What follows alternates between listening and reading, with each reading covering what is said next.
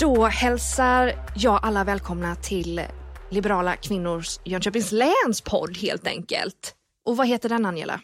Den heter Feminism, frihet och framtid. Ja, hon som pratar här just nu det är jag, Emma Krantz och med mig här från vår livestudio hemma hos mig, eh, hemma hos Emma, Precis, eh, är Angela Hafström. Du är kommunpolitiker för Liberalerna det stämmer. och du är ordförande för Liberala kvinnor Jönköpings län. Precis. Och sen har vi med två fantastiska gäster här idag. Vi har Cecilia Elving som kommer tillbaks igen. Du var ju med i säsong ett och du är ju Liberala kvinnors ordförande och jämställdhetspolitisk talesperson. Välkommen! Tack så mycket.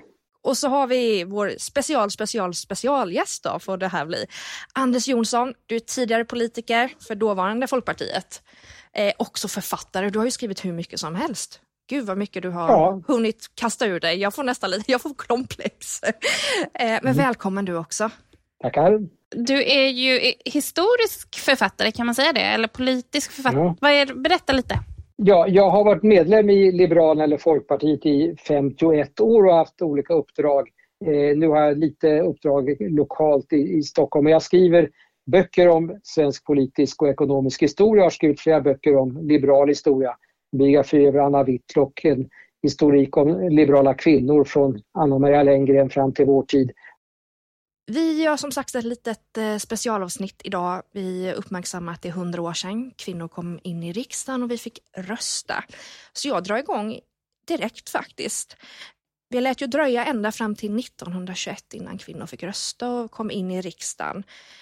Hur kunde det ta så lång tid, Anders, om du börjar svara på den lilla frågan? Ja, ja. ja, det enklaste var att jämföra med de andra nordiska länderna där vi blev sist. Och eh, först var Finland och sen kom Norge och de kom eh, i början på 1900-talet. Och skälet till att de var först var att eh, kampen för demokrati och kvinnlig rösträtt var en del i den nationella frigörelsekampen, alltså Finlands kamp för självständighet gentemot Ryssland och Norges gentemot Sverige och då engagerades kvinnorna. Så de var eh, ja, Norge var ett mycket mer liberalt land än vad Sverige var. Eh, Finland var i och för sig inte mera liberalt än vad Sverige var men, men även de konservativa i Finland insåg att man måste ha kvinnorna med sig. Ja. För Mm. att, för, att Danmark kom före oss, de kom 1915. Det kan vara lite grann en synvilla att de råkade hinna med detta före första världskriget. För under första världskriget så låg rösträttskampen nere i de flesta länder så att de råkade bli klara alldeles innan världskriget och vi blev klara, eh, fattade beslutet 1918 i slutet på världskriget så att det behöver inte vara så stor skillnad för Danmark var inte mera liberalt Nej. eller mera pro progressivt än Sverige. Utan jag tror att det var en liten tillfällighet att det blev ett par års skillnad där. Men hur gick eh, liksom snacket? Vad var skälen till att kvinnor inte fick rösträtt tidigare? Hur gick debatten då? Det, det var att kvin- bland högern då att kvinnor inte var intresserade av rösträtt, att eh, de inte hade den kunskap och erfarenhet som, som männen hade. Eh, sen fanns det mera, eh, mera lustiga argument, det är nämligen att kvinnor hade så vida kjolar och vassa hattnålar så att man skulle kunna skada sig och de trängdes Ja. in i, i tr- trånga riksdagen. Och så här. Men, men det var, det var överhuvudtaget man ville ju inte att gifta kvinnor skulle vara myndiga, man ville inte att kvinnor skulle få ah, högre anställning Mm. på offentliga tjänster så att det var liksom en, en del i ett ointresse eh, för kvinnor ibland konservativa trots att det var så, vilket de insåg i Finland, att kvinnor var mer benägna att rösta högerut än män. Så att Mm. hade de, den svenska högern varit lite mer smart och tänkt i, i partitaktiskt intresse så borde de ha eh, påskyndat kvinnlig rösträtt. Så resonerade faktiskt högern i Finland också, att de insåg att högern skulle stärkas av att kvinnorna också fick rösträtt. Ja, det fanns ju på den tiden en slags myt lite om en samhällskollaps ifall kvinnor fick rösträtt. Alltså det var ju, bland annat så trodde man att en, kvinnor skulle sluta föda barn eller föda barn i mycket lägre utsträckning och sådär. Så det, var- det var ju verkligen en blandning av liksom helt galna argument och, och myter och som Anders var inne på, verkligen fanti, fantasifulla bortförklaringar. Eh, men också en, en rädsla som väl eh, ändå var ganska, eh, ganska realistisk att, att det här skulle i grunden förändra samhället och det är klart att det, att det också gjorde. Angela, du är lite nyfiken här. Du håller på att säga mm, mm. sådär. Nej, men jag, jag tycker ju att de här argumenten, jag skrattar ju till lite när, när du Anders pratar om de här vida kjolarna och hattnålarna. Det är ju det är svårt att föreställa sig, fast vi idag, hundra år senare, eh, vi slåss ju mot våra jämställdhet, eller vi har våra jämställdhetsproblem. Sen är det inte kanske kjolarna och, och, och hattnålarna, men, men man känner ju igen mycket av det här faktiskt. Mm. Jo, men så är det ju. Men, och jag tänker att några, delvis är det ju liksom samma fiender mot, mot rösträtt eller mot kvinnors rättigheter idag som det var då. Men det har ju också förändrats en del. Jag tänker på Bondeförbundet till exempel var ju tydligt emot och de eh, tyckte ju, argumenterade att ja, vi har ju ingenting emot kvinnor men det skulle vara dåligt för landsbygden och mm. eh, någon måste ju, eller någon, alltså det står ju i deras i deras partiprogram från den tiden att, att kvinnorna behövde ju vara hemma och ta hand om barn och kreatur när männen gick och röstade. Eh, så det, det, är ju en, en, hel del, alla partier har ju förändrat sig eh, mm. mm. och eh, förflyttat sig men och kampen ser ju väldigt annorlunda ut idag men det är klart att det är fortfarande det här förlöjligandet och förminskandet och mm. också den här rädslan för jämställdheten finns ju idag, den slåss vi emot idag också. Mm. Men det var så himla intressant det du sa Anders där att kvinnorna i Finland hade en tendens att rösta mer höger. Och idag har vi en tendens, i alla fall här i Norden, att vi kan se under olika undersökningar kvinnor tenderar att rösta lite mer eh, åt vänstra hållet istället. Och det var samma sak i Sverige, att kvinnorna var något mer konservativa. Det var nog till följd av att kvinnor var mer religiösa. Kyrkan stod, stod till höger i politiken och mera familjevärden. Mm. Eh, och att arbetarrörelsen, även om det fanns kvinnliga industriarbetare och det fanns hustrur till manliga industriarbetare så var arbetarklassen ändå i eh, huvudsak manligt mm. dominerad så att det blev mera vänster där. Mm. Medan kvinnor mera i de, de jobbade var knutna till hushållsarbete, hembiträden och sånt. Och där, där hade arbetarrörelsen inte nått lika långt i sina organisationssträvanden. Nej. Nej. Vi har valt här idag att prata om några mm, exemplariska kvinnor som har kommit att mm. betyda rätt mycket för liberalismen både före eller jag menar efter deras levnadstid och under deras levnadstid. Och vi tänkte dra igång med Fredrika Bremer och jag tänker du Anders då som har sån himla bra koll på de här donnorna. Kan du berätta lite kort om henne? Vem hon var? Ja, hon föd, föddes 1801 i Åbo faktiskt men flyttade redan som treåring med familjen till Stockholm där hon sedan bodde resten av sitt liv. Hon kom från en familj med goda förutsättningar, alltså en förmögen mm. pappa eh, som också var kulturellt intresserad men han var inte alls intresserad av att låta sin dotter eh, skaffa sig utbildning eller, eller några vidare vyer. Och hon reagerade mot detta, Fredrika, och kunde ändå få möjlighet att, att eh, ja, studera på, på egen hand och ja, hon hade väl informatorer i hemmet också. Och sen så skrev hon en bok 1828, alltså som 27-åring, eh, där hon protesterade mot att den instängda flickans begränsade möjligheter med, jämfört med mannen. Hon blev inspirerad av den engelska liberalen Jeremy Bentham och hon mm. kom i kontakt med den svenska liberalen Erik Gustaf Geijer så att hon blev tidigt inspirerad av eh, de liberala tankarna. Och sen fick hon åka till USA eh, eh under omkring 1850, två år och blev mycket imponerad av eh, folkrörelser och fria organisationer i, i USA men även eh, reagerade mot slaveriet. Eh, hon träffade många kvinnosakskvinnor. Eh, och hon blev rätt, internationellt rätt känd på 1850-talet, skrev i The Times. Och sen så hennes sista bok 1856, den avgörande boken heter Herta då var det två saker hon ville kämpa för.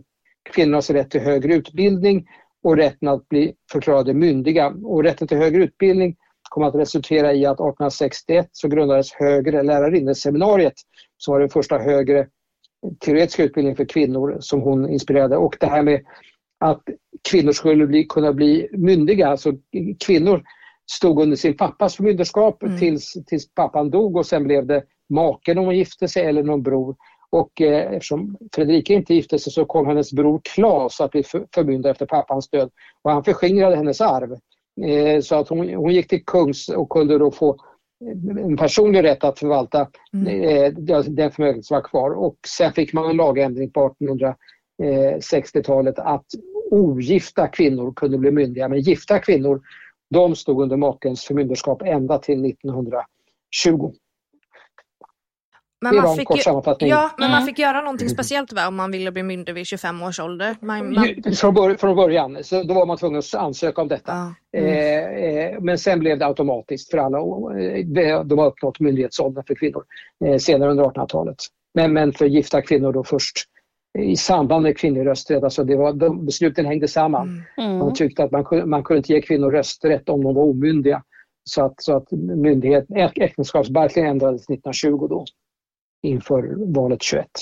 Nej, men jag tycker att det här är ju en, en otroligt fascinerande person. Hon var ju Mm. ja, kanske den främsta eh, pionjären i, i kvinnorörelsen. Ehm, och eh, hon har ju inspirerat så många. Jag tänker på den här tidskrift för, för hemmet som, som kom, startades på 1860-talet av Sofie Leijonhufvud. Hon sägs ju också ha varit väldigt inspirerad av, av eh, eh, Herta. Ehm, och det var ju en, en bok som ja, den, fick, den fick väldigt mycket påverkan eh, generellt och även Mm. internationellt, inte bara i Sverige. Eh, men jag tycker också den här, den här personliga berättelsen, det, är ju, det, det säger ganska mycket också, för så var det ju rätt ofta att kvinnor eh, märkte de fruktansvärda orättvisor och den ofrihet som fanns i sina egna liv och Mm. tog strid emot det, men också då eh, på ett sätt som, som kom till gagn för, för alla kvinnor. Eh, hon tog ju verkligen sin personliga erfarenhet och, och gjorde den politisk och, och fick till en otroligt viktig förändring då för alla kvinnor. Ehm, så, och det, det finns ganska många exempel på det, liksom, hur det lite börjar i, i en själv men hur ja, det personliga är politiskt som vi brukar säga. Helt enkelt. Mm. Jag tycker också viktigt att påpeka att eh, även om hon är mest känd för att kvinnor, kvinnokampen så var hon ju mycket bredare liberal. Hon var för frihandel Mm. och engagerad i internationella fredsrörelsen. Hon var emot antisemitism eh, så, så att, eh, och utbildningsfrågor så att hon var hon var, eh, ja, ja, hon, är med, hon har levt vidare som den stora jämställdhetsikonen men hon var en bred liberal eh, samhällsdebattör ska man också komma ihåg. Ja, Ja, ja för, för jag måste säga att, alltså att innan jag, alltså egentligen bara kanske innan vi började här eh, hylla våra pionjärer, för att det var hundra år sedan det var rösträtt, så var inte jag helt säker på att, att Fredrika Bremer var liberal. Det var du Cecilia som lärde mig det, eller du sa hon är ju helt fantastisk, henne må- måste ni lyfta. För jag har nog, hon har liksom blivit nästan hela Sveriges eh, feministiska Ja. ikon. Men så var det ju. Eh, så, alltså, det finns ju en historierevision där de här, väldigt många av de här väldigt viktiga eh, pionjärerna för kvinnors rättigheter, eh, men generellt liksom, po- politiskt eh, engagerade och framträdande personer, många var ju liberaler. Eh, och det, det, men många försöker att liksom skriva om dem och få dem att bli till sina egna istället. det Mm. framförallt har hänt med Kerstin Hesselgren Ja. väldigt, väldigt mycket till exempel. Men när du säger Jag till, menar- till sina egna, att andra politiska partier försöker nästan låtsas som att de har tillhört dem, eller? Absolut, Jag det här är Anders expert på. Ja, mm, spännande. Ja, man kan säga så här att det är inte, inte så mycket andra politiska partier i sig men väldigt många eh, fors, fors, kvinnoforskare och andra som, som älskar de här liberala ikonerna men inte tycker om liberalismen. Mm. Eh, har, ibland så är det alldeles uppenbart att, att de ljuger, alltså de, de vet hur det är. Men, men, men många av dem har ju inte gått till källor utan skriver av andra. Va? Så, att Mm. man, man har själv inte eh, medvetet förvanskat historien ut- utan eh, har liksom tagit en vanlig uppfattning. Men, Mm. men Fredrika Bremer, ju, hon var ju före partiväsendet så att, det, att vi idag kallar henne för liberal och hon använder ordet liberal också så, men hon var ju inte partipolitiskt organiserad men det finns ju exempel på som vi kommer till senare, Mm. organiserade liberaler Mm. till och med Mm. som, som av socialistiska debattörer helt förtränger detta Mm. och, Och i, i den mån de vet om att de var liberaler så, så, säger de nog att de, de var nog egentligen socialdemokrater fast de inte fattade det. Mm, mm. Okej, okay. så jag kanske egentligen är socialdemokrat då? Ja, det, ja. Nej, jag skojar bara. Du, vi, kommer, vi kommer alla råka ut för detta i framtiden, att några andra ja, tycker vi är så briljanta så att de kommer att vilja lägga beslag på oss. Eller hur, så är det. Det är bra. Jag tänker på romanen Herta här. Jag menar den det måste varit jätteomdiskuterad även bland, bland kvinnor som inte höll med Fredrika Bremer också. Har vi någon information när, om den här, den här tiden, om hur kvinnor såg på Herta-boken?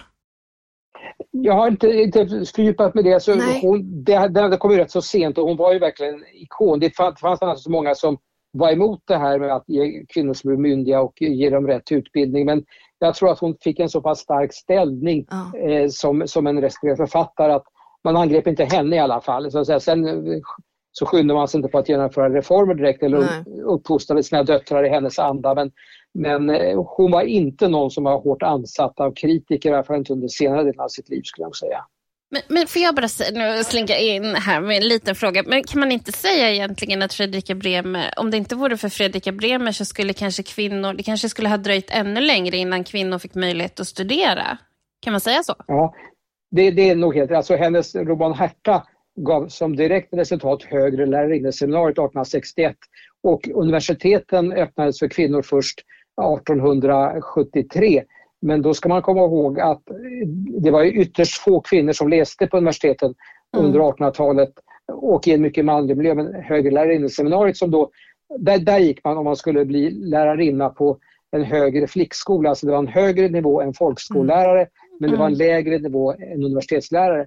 Där gick det ju bara kvinnor, ett par hundra kvinnor, så det blev ju verkligen en, en kritisk massa av begåvade kvinnor och mm. större möjligheter för dem att, så att säga, alla blev ju inte lärare de, men de, de kunde utbilda sig och förkovra sig på ett lite bättre sätt än på universiteten där de var så få och rätt illa behandlade i den manliga miljön ofta. Mm. Vi kommer ju att återkomma ja. till eh, yes. högre lärares, eh, lärarinneseminariet. Eh, Anna Whitlock, mm. vill du köra ja. en liten historiepresentation där med? Just det, hon gick ju på högre lärarinneseminariet. Hon hade också en lite komplicerad uppväxt. En pappa som var grosshandlare som var dålig på affärer, han gick i konkurs och som hade en dålig hälsa och dog tidigt. Eh, och vi vet väldigt lite om honom. Men en stark mamma, Sofie Whitlock, som var med och grundade Fredrika Bremer-förbundet och var sekreterare under de första decennierna eh, och som kom att försörja familjen eh, redan under makens livstid men sen som änka och blev ekonomiskt mycket framgångsrik. Så att där fick Anna en inspiration av en stark kvinna men de gick inte riktigt bra ihop. Alltså Anna hon hade en stora syster också som hette Ellen och Anna ansåg att i familjen ansågs Ellen som söt och sedlig och Anna som ful och bråkig och besvärlig. Mm. Jag tror att Anna skulle ha fått en neuropsykiatrisk diagnos om hon har levat idag mm. därför att hon var stundtals våldsam, skickades till en flickpension i Västerås för att det skulle bli lugnt i familjen.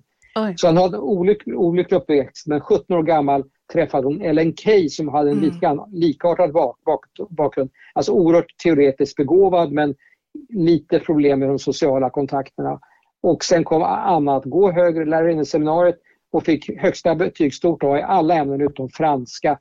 Men kom sen att vara två år på Europa, huvudsakligen i Frankrike, för att studera skolväsende och, och kulturliv i Frankrike och andra europeiska länder. Och sen startade hon en flickskola 1878. Mm. Eh, och, och det nya med den var att den inte tog ställning i eh, religiösa frågor, den var neutral. Och folkskolan var ju styrd av Svenska kyrkan och, och religionsämnet dominerade starkt så att i hennes skola så kom då familjer som inte tyckte att barnen skulle lära sig katekesen utan till. Alltså, judiska familjer, radik politiskt radikala familjer, katoliker, frikyrkliga och så vidare. Eh, och sen kom hon in i rösträttsrörelsen men då egentligen jag var 50 års ålder så då var hon redan etablerad eh, skolföreståndarinna och hade en samskola både för pojkar och flickor då.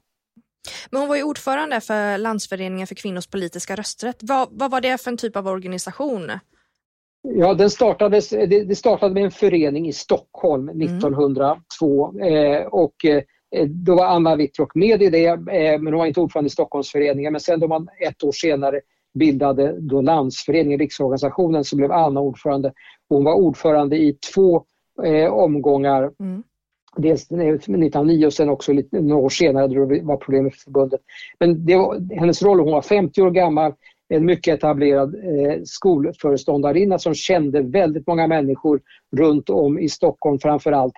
Väldigt duktig organis organisatör och en medlare. Alltså det fanns ju radikala socialdemokrater, det fanns konservativa, det fanns aktivister och det finns de som var mer försiktiga. Hon hade rollen som, som eh, eh som medlare. Det finns en koppling så att säga, till, till Jönköping. Hon gifte sig aldrig, fick, eh, hon tog en fosterdotter, Helga, som gifte sig med Helge mm -hmm. Silverstolpe som, som blev hög chef på Huskvarna. Mm. Och så att Helga och Helge flyttade till Huskvarna och där blev hon aktiv i rösträttsföreningen i Rogeberga som den hette. Men alltså det var, det var så hon var det var lite intressant. Helga var, Helga var ord, inte ordförande men satt i styrelsen för rösträttsföreningen i i Huskvarna eller Rogeberga eh, Det är väldigt intressant för oss här eftersom att ja. det ingår i, i vårt län, Huskvarna. ja, vad kul att höra.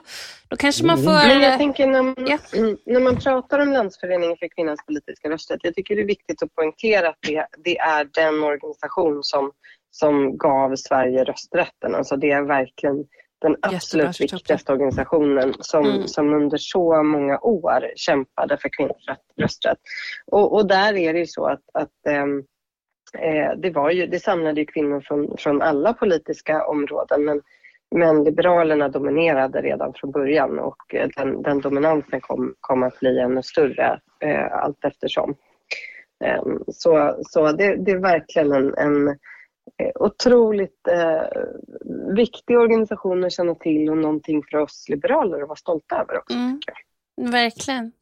Och det är det som jag tycker har varit så himla bra nu när vi har firat eh, under, ja, kan man säga, flera månader. Att vi firar eh, 100-årsjubileet och att vi verkligen hyllar de här kvinnorna som gick före oss, som har varit med och sett till att vi, vi har de förutsättningarna vi har idag, även om det fortfarande finns mycket kvar att göra. Mm jag tänker Cecilia där ur Liberala kvinnors eh, perspektiv. Vad, vad, mer kom Anna Whitlock att liksom ha betyda för oss? Nej men det är ju, jag tänker för, för Liberala kvinnor så är det ju framförallt hennes engagemang i, i LKPR. Mm. Um, men i, i Sverige så tänker jag att uh, det var ju, ja vi har ju sett henne i, i den här um, serien Fröken Friman. Det är ju Eh, mm. Anna Whitlock som är porträtterad där. Eh, och det är klart att, att både, hon var ju en skolpionjär och hon var väldigt engagerad i rösträttsrörelsen. Eh, men hon var ju också väldigt engagerad då och startade Svenska Hem. Den här kvinnliga kooperationen som, som tog tag i frågor. Det var ett väldigt utbrett matfusk på den tiden. Och, och i Svenska Hem, alltså då, då dels var det en otroligt viktig hälsofråga att man inte behövde äta liksom kött som var gammalt och som hade färgats om och som man fuskade med och så. Ehm, men sen ordnade de matlagningskurser och eh, de hyrde ut dammsugare och de, de sålde färdigmat. Och sen var de ju en väldigt viktig arbetsgivare där de, de anställde kvinnor och de gav eh, kvinnorna vettig lön och vettiga, vettiga arbetsförhållanden. Så att, eh, hon var ju en pionjär inom många områden och eh, påverkade liksom Sverige och eh, situationen för Sveriges kvinnor inom många områden skulle jag säga. Hon var med och grundade föregångaren till Liberala kvinnor, alltså Frisinnade kvinnor som grundades 1914. Mm. Så var Anna Whitlock och hon satt också i styrelsen, hon var aldrig ordförande i i eh, Frisinnade kvinnor. Hon satt i styrelsen och arbetsutskottet under de första perioderna, under de första decennierna. Ja. Ja, det går liksom inte riktigt då att överdriva hennes, hennes mm. betydelse utan hon har gjort så mycket ja. på så, så många områden. Ja. Och jag tänker också det här som, som du nämnde Anders om att om hon hade levt idag så hade hon kanske fått en neuropsykiatrisk eh, diagnos. Det är också, alltså förstå mm vad häftigt att hon har kunnat liksom driva igenom allt det här och ändå ha mm. så att säga större utmaningar än vad andra har så att säga. Just det. Hon hade ju problem med sitt temperament och även som åtminstone ung vuxen, alltså hon kom att kunna behärska detta mera som vuxen och hade, alltså hon var superbegåvad intellektuellt men hade alltid problem att hantera andra människor om hon hade känslomässiga problem eller känslomässiga konflikter. Och, så, och hade svårt att, hon var en lysande lärarinna som föreläsare men hon förstod sig inte på barn. Mm. och barnen var rädda för henne. Hon hade liksom inte, kunde inte emotion, emotionellt liksom riktigt hantera barn. Framförallt barn som var lite rädda eller osäkra eller svagpresterande och inte heller vuxna som var svagpresterande. De kunde råka illa ut Anna inte tyckte att de dög. Eh, men, men, hon lärde sig det här med att ja, intellektuella konflikter som det då kunde finnas i rösträttsrörelsen, att det kunde hon hantera på ett bra sätt. Men mm. hon kunde aldrig hantera andra människor som hade känslomässiga problem eller känslomässiga konflikter. Man kan inte vara bra på allt helt enkelt. Hon har ju betyd, betytt tillräckligt mycket för att få en serie på SVT tänker jag, även om, man, även om den är delvis lite fiktiv också. Dock nämns ju inte hennes namn. Nej, det är lite synd. Varför, varför är det inte Fröken Whitlock? Mm, det, det, det, tror jag är bra. Det, ja. Dagmar Friedman heter hon därför, därför att det är inspirerat. Eftersom det, det stämmer mm. inte överens med det nämns ju ingenstans i, Dagmar Friedman är ju inte skolledare. Eh, och eh, Dagmar Friedman hade en fosterson och inte en fosterdotter och så här så att liksom det, det var bra att de inte tog det namnet för att då hade man ifrågasatt okay. autenticiteten. Mm. Ja, men jag tänker det var nog kanske aldrig på tal att SVT skulle lyfta en, en liberal på det sättet. Nej, ja, nu, nu är du inne på det spåret. Ja, ja. Lite så kan jag känna. Nej, men, men då, om jag byter spår så får jag bara säga snabbt då att eh, Carolina Widerström är ju med också i den serien och har en viktig mm. roll. Eh, eller inspirerad, en karaktär inspirerad av Carolina Widerström som var Sveriges första kvinnliga läkare. Mm. Eh, och också en, en framstående liberal. Mm. Så det finns, det finns mycket inspiration i den där serien. Men ska vi gå över till den kanske mest kända för den bredare publiken, en person som man talar om i mm. skolan och funnits med på våra eh, sedlar. Nu håller vi inte på så mycket med kontanter längre, mm. men jag tänker Selma Lagerlöf. Många vet kanske en, mm. en, hel del om henne, men Anders eller Cecilia, vill någon ta i tråden, berätta lite kort om henne? Ja, ta det du Anders. Ja, ja hon gick också naturligtvis på höglärarinneseminariet exakt tio år efter Anna Whitlock och hon är då ett exempel på att lärarinneseminariet var viktigt, inte bara om man skulle bli lärare. Anna Selma blev ju lärare i början av sin karriär men, men också flera författare och andra intellektuella kvinnor hade den här grunden. Eh, hon kom också från ett lite olyckligt hem. Pappan hade dålig hälsa och dålig ekonomi och de var tvungna att lämna, sälja gården Mårbacka där hon växte upp. Men hon kom i kontakt med kvinnor, eh, ledande kvinnor i kvinnorörelsen som uppmanade henne att, att hon hade studerat, hon hade skrivit dikter eh, som ung och framgångsrik men eh, hon blev uppmanad av, av Eva Fryxell som var en viktig tidig kvinnokämpe att börja på högre lärarinneseminariet och det blev en, en lyft för henne. Och där i Stockholm träffade hon Sofie Adlersparre som var en de ledande figurerna i generationen efter Fredrika Bremer Eh, inom kvinnorörelsen. Eh, så att eh, Sofia Adelsparre såg till att hon fick möjlighet att skriva Gösta Berlings saga. Men sen blev hon lär, lärarinna då i, på en flickskola i Landskrona och sen hamnade hon i Falun.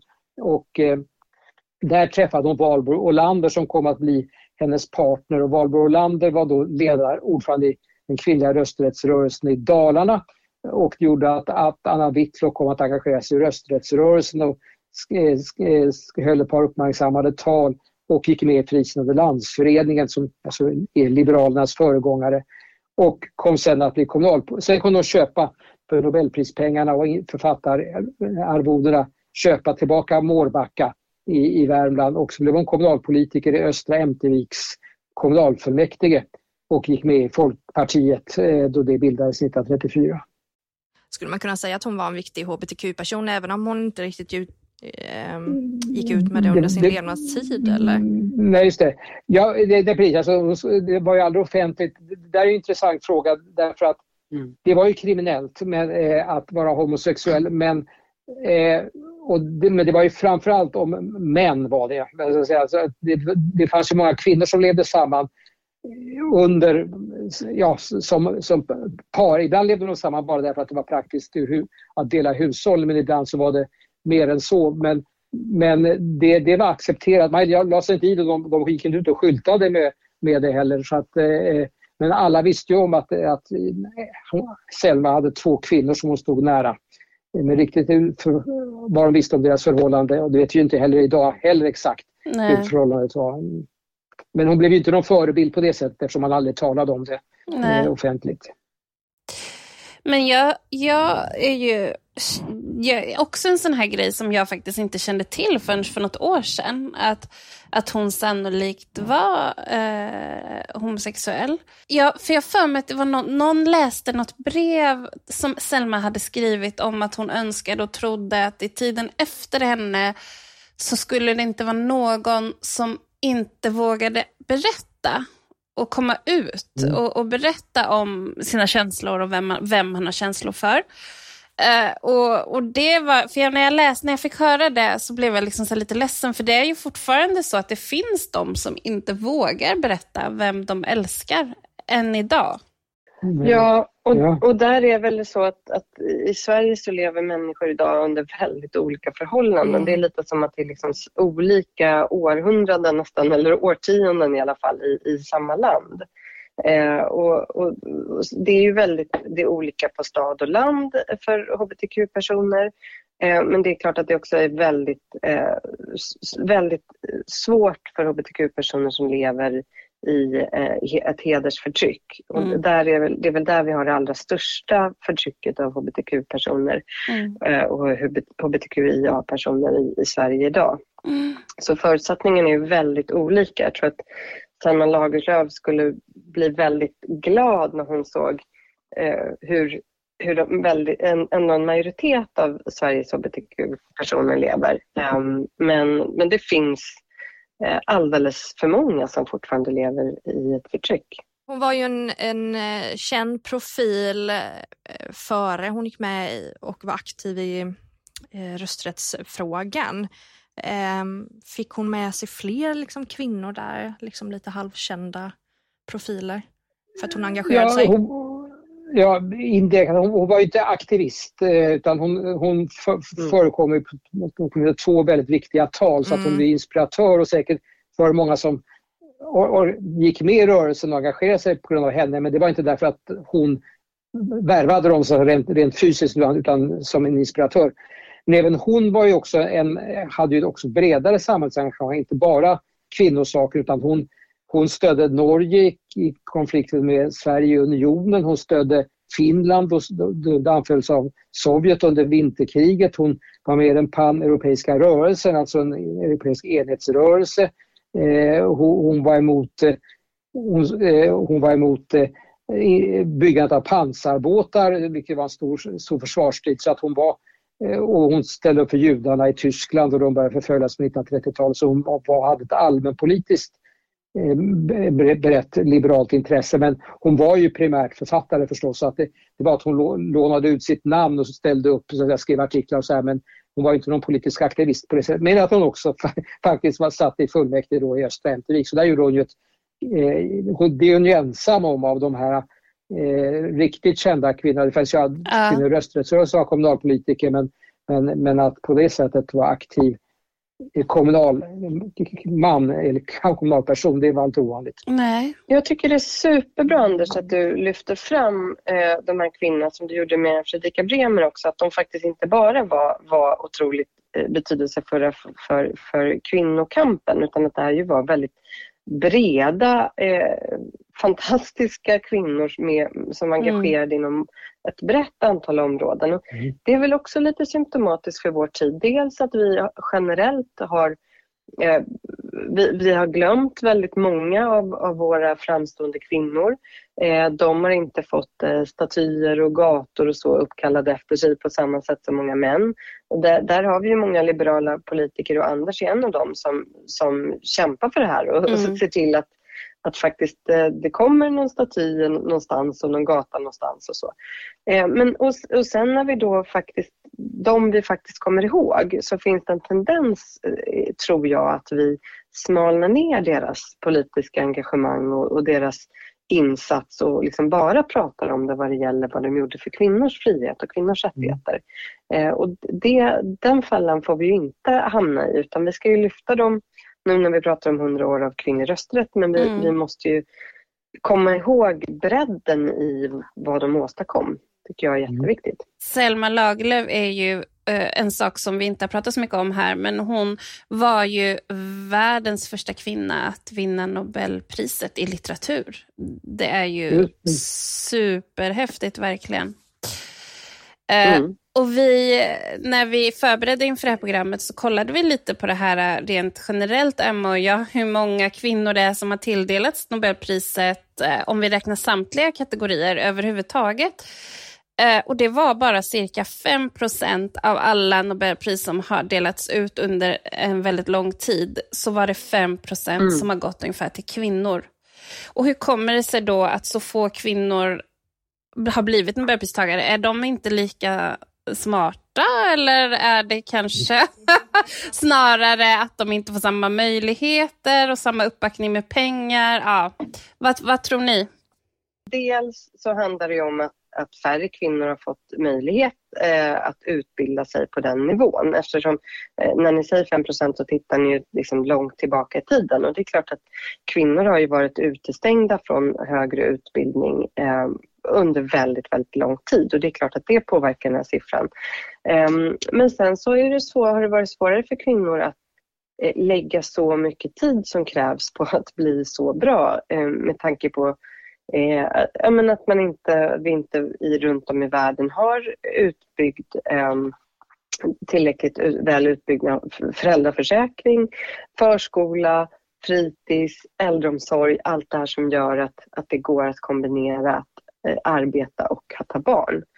Eh, men slutligen så finns det ju massor av superkompetenta kvinnor som förtjänar Nobelpris som, som bara eh, liksom sållas bort för att eh, det är fortfarande väldigt liksom, manliga nätverk där man ser och uppmärksammar varandra och lyfter fram varandra och då är det, finns det massor av kvinnor som verkligen skulle kunna få ett Nobelpris men som ändå inte får det. Så att det, det är liksom en lång eh, kedja av orättvisor och strukturella problem som, Mm. som påverkar. Ja, så är det. Ja, det, det är svårt att veta. Alltså, det, jag tycker det vore intressant om någon vetenskapshistoriker skrev någon bok om kvinnor som mycket väl hade kunnat få Nobelpriset men som inte fick det. Alltså, som Cecilia säger Ja. så var det så att Mm. långt tillbaka så fanns det inga, inga kvinnor som hade haft möjligheter men vilka fanns det? Och då, då ska man nämna en som jag nämner i min, senaste bok som har lite koppling till liberala kvinnor. Och det var Lise Meitner, judisk flykting som kom till Sverige 1938 och som var en av de som gjorde de banbrytande upptäckterna om kärnklyvning. Eh, sen blev det inte hon som fick Mm. Nobelpriset men, men flera forskare hävdar att hon mycket väl hade kunnat få dela det priset. Att hon kom till Sverige som judisk flykting var att, eh, att hon var god vän med Sveriges första docent, kvinnliga docent i fysik, Eva Bergius, som var aktiv i Frisinnade kvinnor. Mm. Ja, ja, ja, Precis. så, så att det var Frisinnade kvinnor som gjorde att Lisa Meitner kom till Sverige och kunde göra den här upptäckten i, i Sverige. Så att, Ja, eh, det är det, det, det är Frisinnade kvinnors viktigaste bidrag till, Ja. till vet, naturvetenskapshistorien kanske, att de bidrog till detta.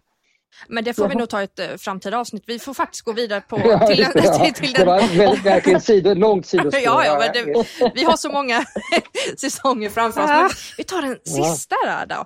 Kerstin Mm. Hesselgren, utav de kvinnor vi har talat om eh, här idag så är hon den, eh, den som är född Ja, yng, den yngsta. Den yngsta heter det på svenska, ja. Ja. Precis. Anders, berätta lite om henne. Hesselgren. Ja, hon var väl den som hade de, eh, vad gäller familje och uppväxtförhållandena de, de gynnsammaste av de här kvinnorna jag nämnt. Och det var verkligen uppenbart att hela hennes livsgärning formas under uppväxten i Torsåker, eller i Hofors, eh, sagt eh, bruksorten i, i, i eh, Gästrikland. Hennes pappa var bruksläkare på Hofors bruk och provinsialläkare. Mamman eh, kom från en en aff liberal affärs och kultursläkt. Wern hette hon som ogift, Maria Wern. Eh, så att, och Kerstin bestämde sig tidigt att bli hälsovårdsapostel, alltså att ägna sig åt att försöka förebygga ohälsa vad gäller livsmedel, bostadsförhållanden, arbetsliv eh, och annat. Och det präglades dels av att hon följde pappan i arbetet där han träffade patienter i alla samhällsklasser och de såg hur olika grupper levde. Mamman eh, uppmuntrade döttrarna att skaffa sig en utbildning. Mamma var också eh, kyrklig, lågkyrklig skulle vi säga. Alltså, eh, inte den här gamla stränga högtidliga prästtraditioner utan mer mänsklig, socialt engagerad kristen tradition. Och det kom att forma henne så att Kerstin bestämde sig för att bli hälsoapostel och utbildade sig till distriktssköterska, eh, till fältskär som var en typ av enklare form av kirurgi, till eh, hälsovårdsinspektris i London och skolkökslärarinna. Eh, och sen kom hon att arbeta eh, som bostadsinspektris, skolköksinspektris i Stockholm och sen yrkesinspektris, ett statligt yrke. Och på det sättet så kom hon att engagera sig i, i politiken. Då ska jag säga tips till en kommande podd, alltså den stora liberala kvinnan från från Jönköpingsdelen, Emilia Bromé som vi inte ska prata om idag, men hon träffade Emilia Bromé som blev Kerstin Hesselgrens politiska mentor. Och Emilia borde vi prata om vid ett senare tillfälle. Men Gärna. det var Emilia som gjorde att Kerstin blev politiskt aktiv och sen kom in Aha. i riksdagen 1921. Mm -hmm.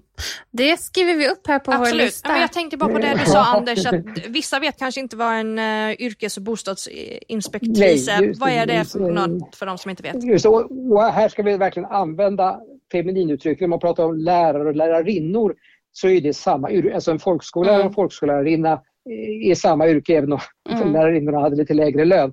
Men eh, bostadsinspektris, skolköks, ja, skolköksinspektör fanns inte, men yrkesinspektris, det var yrken gjorda för att kvinnor skulle ha dem. Eh, och det var helt enkelt som bostadsinspektris att hon eh, Eh, för Stockholms stads bostadsinspektion gick ut i bostäder och då var det ofta så att om någon var hemma på dagtid så var det kvinnan. Så hon skulle tala med, eh, med kvinnorna i hemmen och lä- det som inspektera var, var hyresvärden försumlig? Fanns det eh, sanitära problem som hyresvärden ansvarar för men det handlar mycket om att utbilda framförallt unga fabriksarbeterskor eller hustrur som inte har fått lära sig hur man sköter ett hem, hur man bör laga maten, vilka livsmedel man ska köpa, hur man håller rent, vikten av att vädra, hur tar man hand om sopor och avfall och sånt där. Så det var hennes roll där. Och sen som yrkesinspektris faktiskt lite grann samma sak. De, de manliga yrkesinspektörerna de gjorde det som vi uppfattar idag. Man tittar, är maskinerna säkra? Är bullrar det mycket? Och sådär. Det gjorde hon också, men hon hade också som roll att uppfostra eller utbilda fabriksarbeterskor också att sköta sitt hem och sköta sitt liv. Att se till att de skaffar sig lite fortbildning och utbildning och sådär.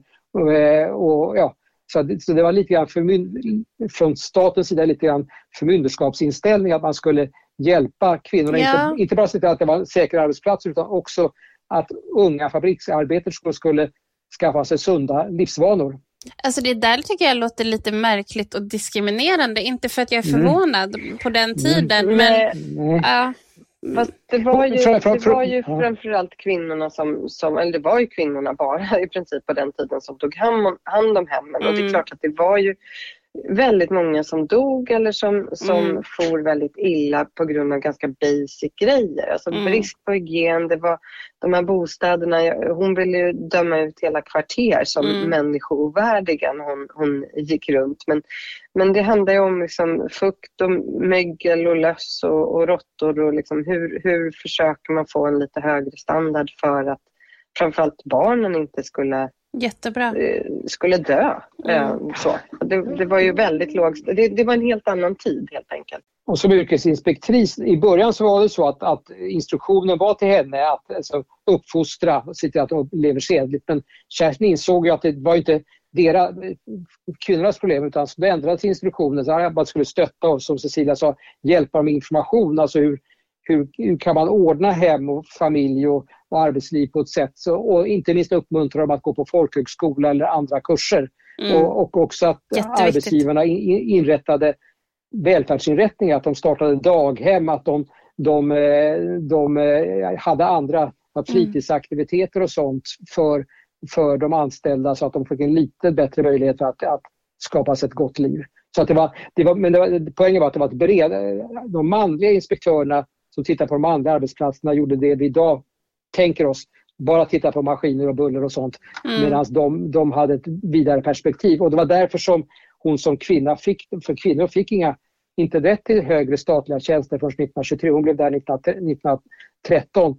Det var just därför att det här var ett yrke som var skräddarsytt för en kvinna. En man skulle aldrig kunna tänkas ha en uppgift att gå till unga fabriksarbeterskor och säga hur de ska ordna sitt liv. Utan det var bara kvinnor som klarade av detta. Och det, hon kandiderade då för Liberalerna till andra kammaren i Stockholm och stod på en plats som man, man, Liberalerna hade två platser, hade man, hon stod på tredje plats och hade man ökat antalet och kommit in. Men sen var det så att i, Göte, i Göteborg, första kammaren, där kunde man välja in folk oavsett var de bodde.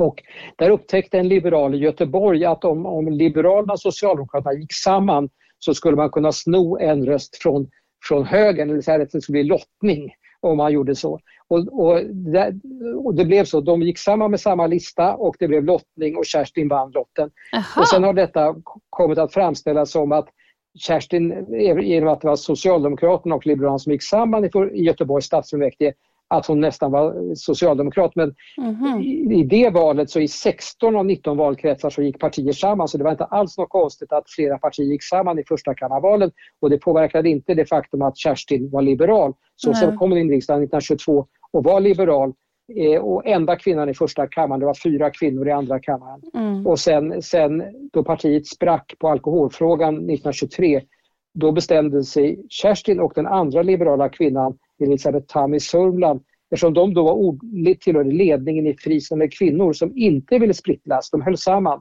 Och då mm. kunde ju de två som i ledningen inte gå med i något av de här partierna utan de var neutrala och blev så kallade vildar. Men det var inte därför att de, som många skrev om Kerstin, att hon var halv socialdemokrat utan det var bara därför att de inte ville ta ställning mellan de två partier som uppstod då det gamla fristående landsledningen sprack. Mm. Utan de var neutrala mellan dem. Och sen kom Kerstin att gå med i Folkpartiet ett par år efter att Folkpartiet hade bildats 1934. Så hon, ble, hon var alltid hela sitt liv liberal men hon var partilös under den tiden det fanns två liberala partier. Okej. Okay. Ja, mm. Återigen en, ett försök till kidnappning där då från, från ja. vänstersidan. och, där, och, där, och där är det upp, uppenbart att det finns massor med fel. Då ska man då säga att de felen uppstod inte, idag framförs mm. de av, av människor på vänster, men felen uppstod av liberala politiker Eh, eh, som, som kände Kerstin Hesselgren.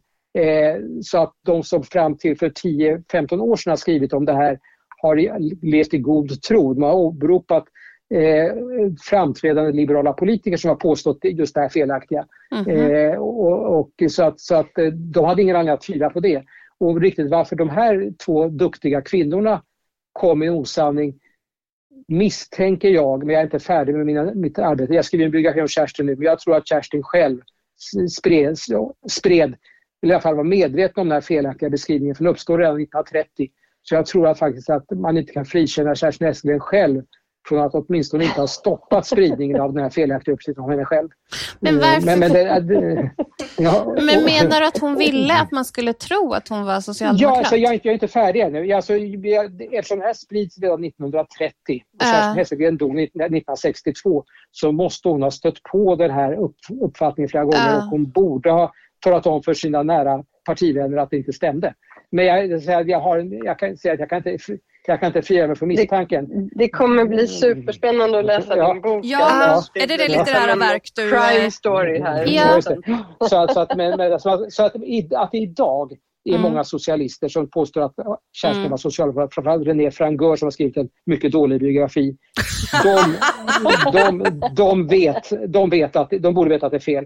Men om man går tillbaka 20 år så, så, så var det svårt för folk att veta hur det förhöll, förhöll sig. Eh, kan man säga. Men... Ja. Ja, det där är väldigt intressant. Alltså, jag tänker så här, vad ska de säga om oss om hundra år?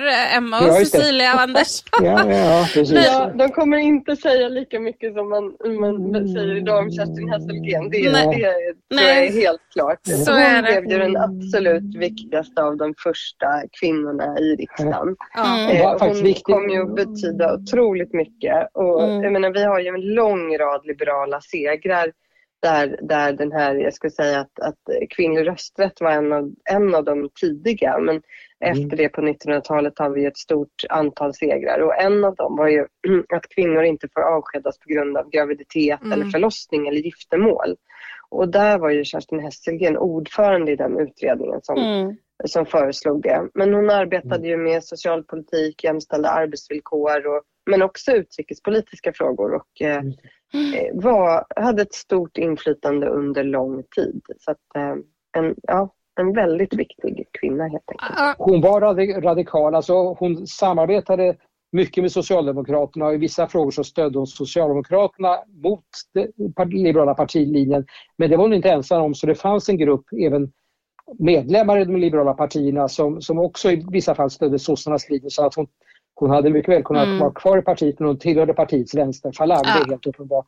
Och tyckte mycket bättre om sossar än om högerpartister. Så det finns en grund för, för att ändå ja men, men hon var, att hon inte blev socialdemokrat var att hon var inte socialist. Det är helt Nej. uppenbart. Ja. Eh, att, att, att i alla, alla hon var liberal. om socialisering av näringspolitik ja. så stod hon på, på Liberalernas sida. Så, ja. eh, Där har väl du följt i hennes spår Anders? Du har väl också ja. röstat med Socialdemokraterna mot, oh. mot Folkpartiet någon gång? När yes. I, i, i, ja, i, i de frågorna, ja det kan tänkas. Men, men, men, men, men jag tänker, är det den bok du har då väntar vi en bok om Kerstin Hessengren. Ja, Den är på G Hessengren, helt enkelt. Ja, ja, ja. Jag, håller på. Jag, jag har precis skrivit färdigt hela hennes yrkeskarriär och jag håller nu på med den politiska banan. Men det finns jättemycket material. Det finns personarkiv både i Göteborg och i Stockholm. Vi lever idag i en tid där den som känner sig först kränkt vinner. Men alltså hon mhm. blev ju oerhört illa behandlad och förolämpad men bestämde sig alltid för att aldrig ta strid om sånt. Alltså om hon blir mm. illa behandlad av någon så ja, skulle hon bråka om detta varje gång så skulle hon ju gå under av utmattning. Utan mm. Eh, hon insåg att det fanns massa för, fördomsfulla och dumma karar omkring sig och kanske en del kvinnor. Men hon ägnade sig bara åt liksom, en enorm social talang mm. och liksom att hantera eh, sånt och inte bry sig om sådana saker utan hela tiden ägna sig åt sakfrågor och driva dem framåt. Det är ju fantastiskt att man klarar det. Själv så börjar jag mm. nästan grina när folk håller på att dumma sig sådär. Ja, det är fantastiskt att, att ja, men det är en stark, en stark kvinna verkligen. Nej men oj, oj, nu, jag, jag, jag, skrattar för att jag känner verkligen igen hur, hur eh, man känner sig väldigt utsatt ibland. Mm. Eh, men jag, jag, brukar tänka ibland på när, när man känner sig utsatt som kvinna och politiker idag så brukar jag ibland tänka på Kerstin Hessegren när hon satt då som som ensam kvinna i den första kammaren och mm. talmannen hade, han, han berättade då den första dagen hon kom in i riksdagen så, så approcherade han henne och sa att oh, jag har inte sovit på hela natten ungefär. Jag har haft sån, sån ångest över det här. Hur ska jag kunna adressera kammaren nu när du har kommit, eller ni sa han förhoppningsvis, har kommit in. Oh, nej, det går ju inte. Så jag, jag får säga mina herrar som vanligt. Så att, eh, de, de sa ju mina, ja. mina herrar och så tittade alla på henne och skrattade och hon var ensam kvinna. Och, och där är vi ändå inte riktigt idag. Nej. Vi har kommit en bra bit. Men, men, men det är intressant att säga, alltså, Kerstin, Kerstin var ju ensam i första kammaren och den hade mm. ju mer av konservativ prägel och äldre konservativa herrar än andra kammaren. Men å andra sidan har jag nu förstått, alltså, man hade, det var som en herrklubb första kammaren men det var ju väluppfostrade herrar. Eh, så att Elisabeth Tamm som satt i andra kammaren hon blev personligen mera hårt åtsatt i debatterna för det var mycket mera hårda tag eh, i andra kammaren. Medan i första kammaren så var man artiga så att man sen invigde riksdagen dagen efter uppropet. Mm. Då såg, såg greve Lagerbielke till att Kerstin fick gå längst fram. Mm. Han förde henne, det var ju så, greve Lagerbielke var ju artigt uppfostrad så att hon var ju en dam. Mm. så att så, så, så, så det var bra. hon blev åtsatt politiskt men, men de, det var gentlemän i stor utsträckning i första mm. kammaren som visste att man skulle behandla en dam med respekt.